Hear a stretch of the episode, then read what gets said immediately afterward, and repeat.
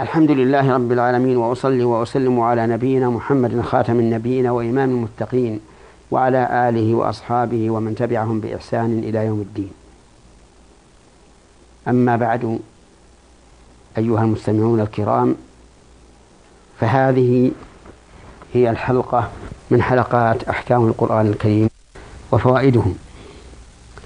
تكلمنا على قول الله تبارك وتعالى إن الذين آمنوا وعملوا الصالحات وأقاموا الصلاة وآتوا الزكاة لهم أجرهم عند ربهم ولا خوف عليهم ولا هم يحزنون.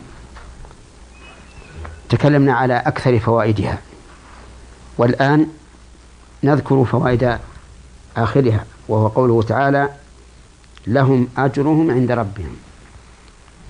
الجملة هذه خبر إن والمعنى أن هؤلاء الموصوفون بهذه الصفات الأربع لهم أجرهم عند ربهم والأجر يعني الثواب. وسمى الله تعالى الثواب أجرا لأنه في مقابل عمل فهو كأجر الأجير وذلك من فضله تبارك وتعالى وكرمه. والحقيقة أن الثواب الذي يجعله الله تعالى على العبادة ليس عوضا عنها حقيقة ولكنه ولكن العمل سبب. ولهذا قال النبي صلى الله عليه وعلى آله وسلم لن يدخل الجنة أحد بعمله قالوا ولا أنت يا رسول الله؟ قال ولا أنا. إلا أن يتغمدني الله برحمته.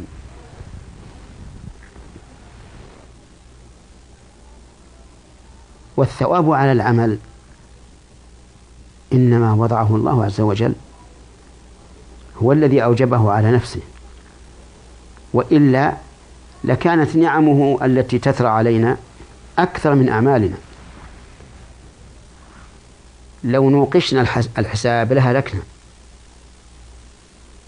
ولكن الله تعالى جعل هذه الأعمال سببا للثواب الذي رتبه عليها. ومن فوائد هذه هذه الآية الكريمة عظم هذا الأجر والثواب لأنه قال عند ربهم. والعندية المضافة إلى الله عز وجل تقتضي التعظيم. ولهذا يوصف الأجر في بعض الآيات بأنه أجر عظيم وأنه أجر كبير وأنه أجر كريم ومن فوائدها أن هؤلاء الموصوفين بالصفات الأربع الإيمان والعمل الصالح وإقام الصلاة وإيتاء الزكاة. ليس عليهم خوف في المستقبل ولا منهم حزن فيما مضى. لا يحزنون على ما مضى لأنهم اكتسبوا فيه الخير وصرفوه في طاعة الله. ولا يخافون من المستقبل لأنهم آمنون. قال الله تبارك وتعالى الذين آمنوا ولم يلبسوا إيمانهم بظلم أولئك لهم الأمن وهم مهتدون. وهنا قال لهم أجرهم عند ربهم ولا خوف عليهم ولا هم يحزنون.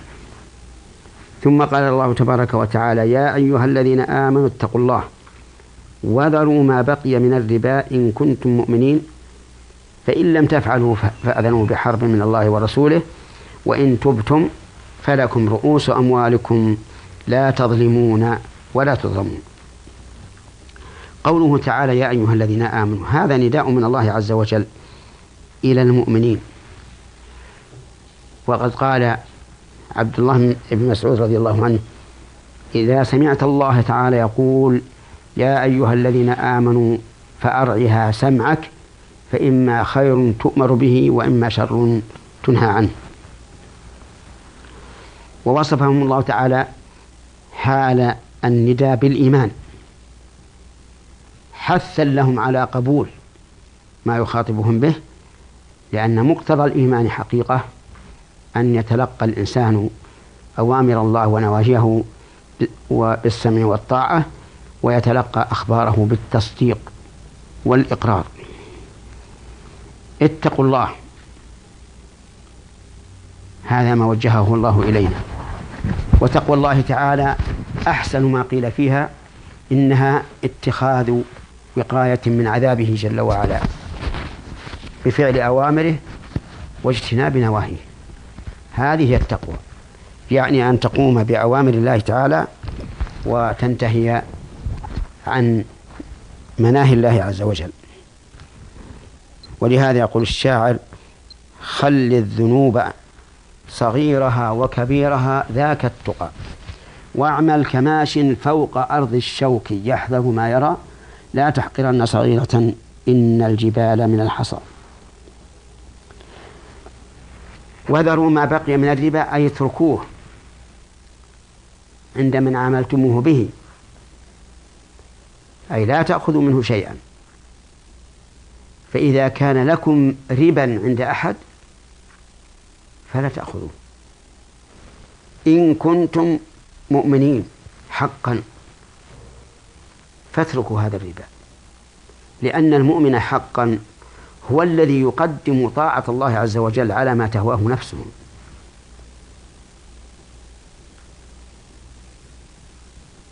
فتجده في عراك مع نفسه هل يترك هذا أو لا يتركه؟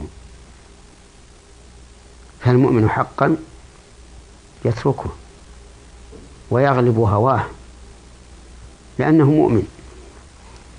فإن لم تفعلوا أي فإن لم تذروا ما ب... فإن لم تفعلوا أي تتقوا الله وتذروا ما بقي من الربا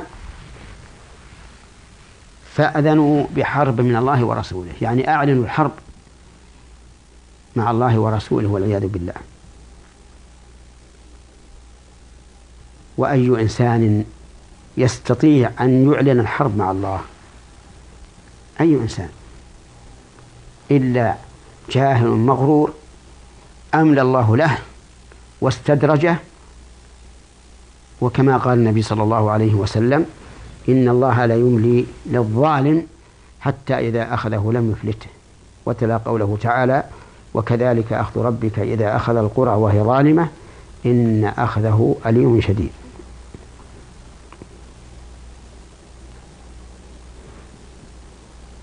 وإن تبتم يعني إن من الله عليكم وتبتم بعد أن انتهكتم تحريم الربا فلكم رؤوس أموالكم بدون زيادة وبدون نقص. لا تظلمون بأخذ الزيادة ولا تظلمون بنقص رؤوس الأموال. ففي هذه الآية من الفوائد.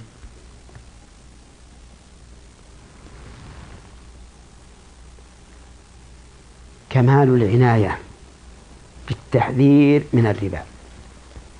لأن الله تعالى إذا صدر الخطاب بالنداء دل ذلك على أهمية موضوعه.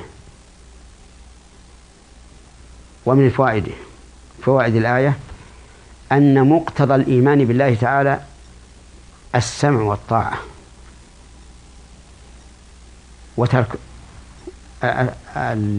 وترك ما بقي من الربا. ومن فوائد الآية أن الإخلال بتقوى الله وبترك الربا مناف لكمال الإيمان. لقوله يا أيها الذين آمنوا اتقوا الله وذروا ما بقي من الربا.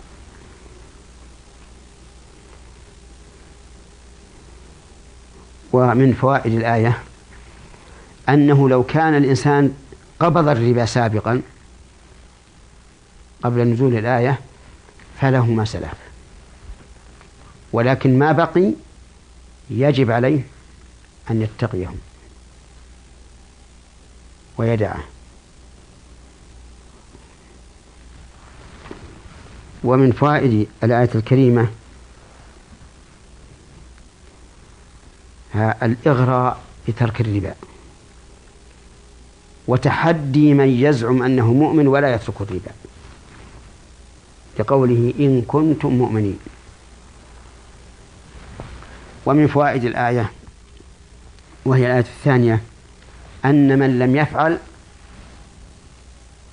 فهو محارب لله ورسوله. وما أعظم حرب الله ورسوله نسأل الله العافية. كل من حارب الله ورسوله فإنه مهزوم ولا شك إلا أن يتوب. ومن فوائد الآية عظم الربا وأنه حرب لله ورسوله فليس بالأمر السهل وصعب. وإنما شدد الله الوعيد فيه لقوة الداعي في النفس إليه وكلما قوي الداعي في النفس إلى المحرم فإن الحكمة تقتضي أن يشدد في التحذير منه وعقوبته. ومن فوائد الآية الكريمة صحة توبة المرابي لقوله وإن تبتم فلكم رؤوس أموالكم. ومن فوائدها أن التوبة لا يلزم العبد فيها أن ينقص شيئا من ماله أو أن يرد شيئا مما أخذ. لقوله إن تبتم فلكم رؤوس أموالكم ومن فوائدها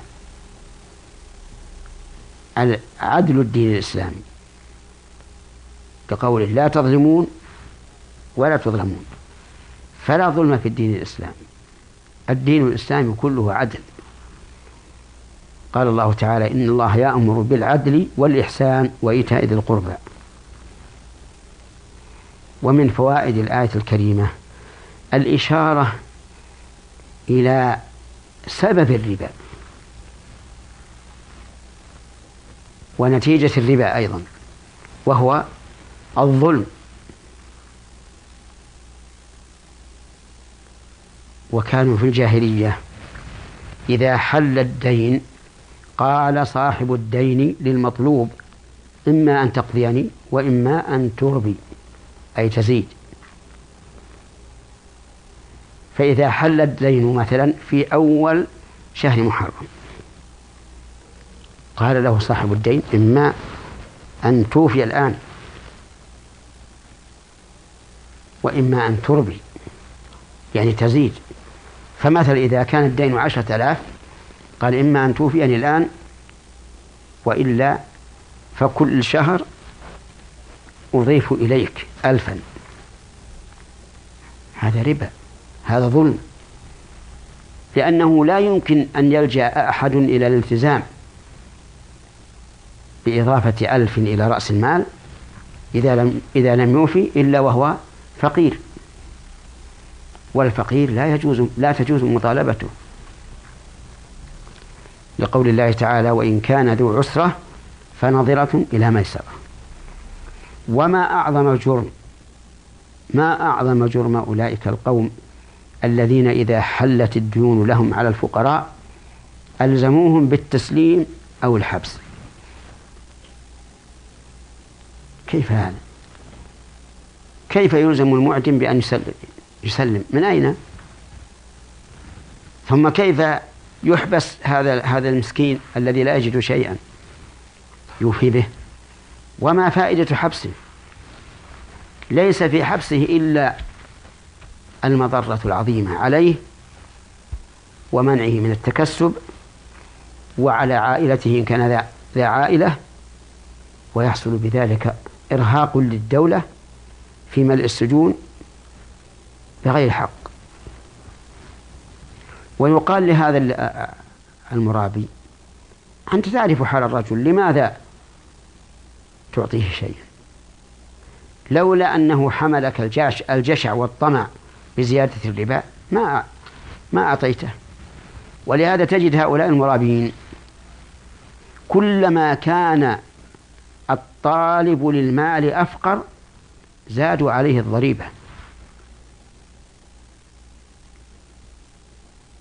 مما يدل على أنه ليس قصدهم من رحمة رحمة الخلق بل قصدهم المال والمادة.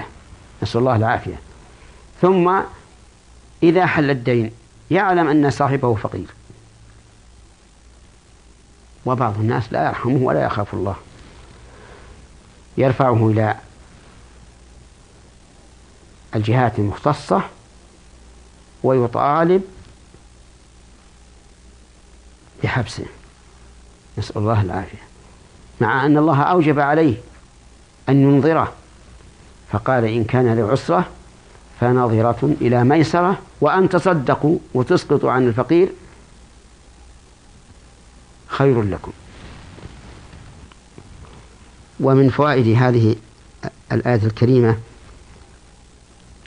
الإشارة إلى التوبة من جميع من الربا وكذلك من جميع الذنوب. فإن الإنسان ينبغي له أن يبادر التوبة بأن يبادر بالتوبة إلى الله عز وجل. وقد قال النبي صلى الله عليه وسلم إني لأستغفر الله وأتوب إليه في اليوم مئة مرة. نسأل الله تعالى أن يتوب علينا وعليكم جميعا وأن يوفقنا للتخلص من ظلم العباد. لا نظلم ولا نظلم. وإلى هنا ينتهي تنتهي هذه الحلقة فإلى حلقة قادمة والسلام عليكم ورحمة الله وبركاته.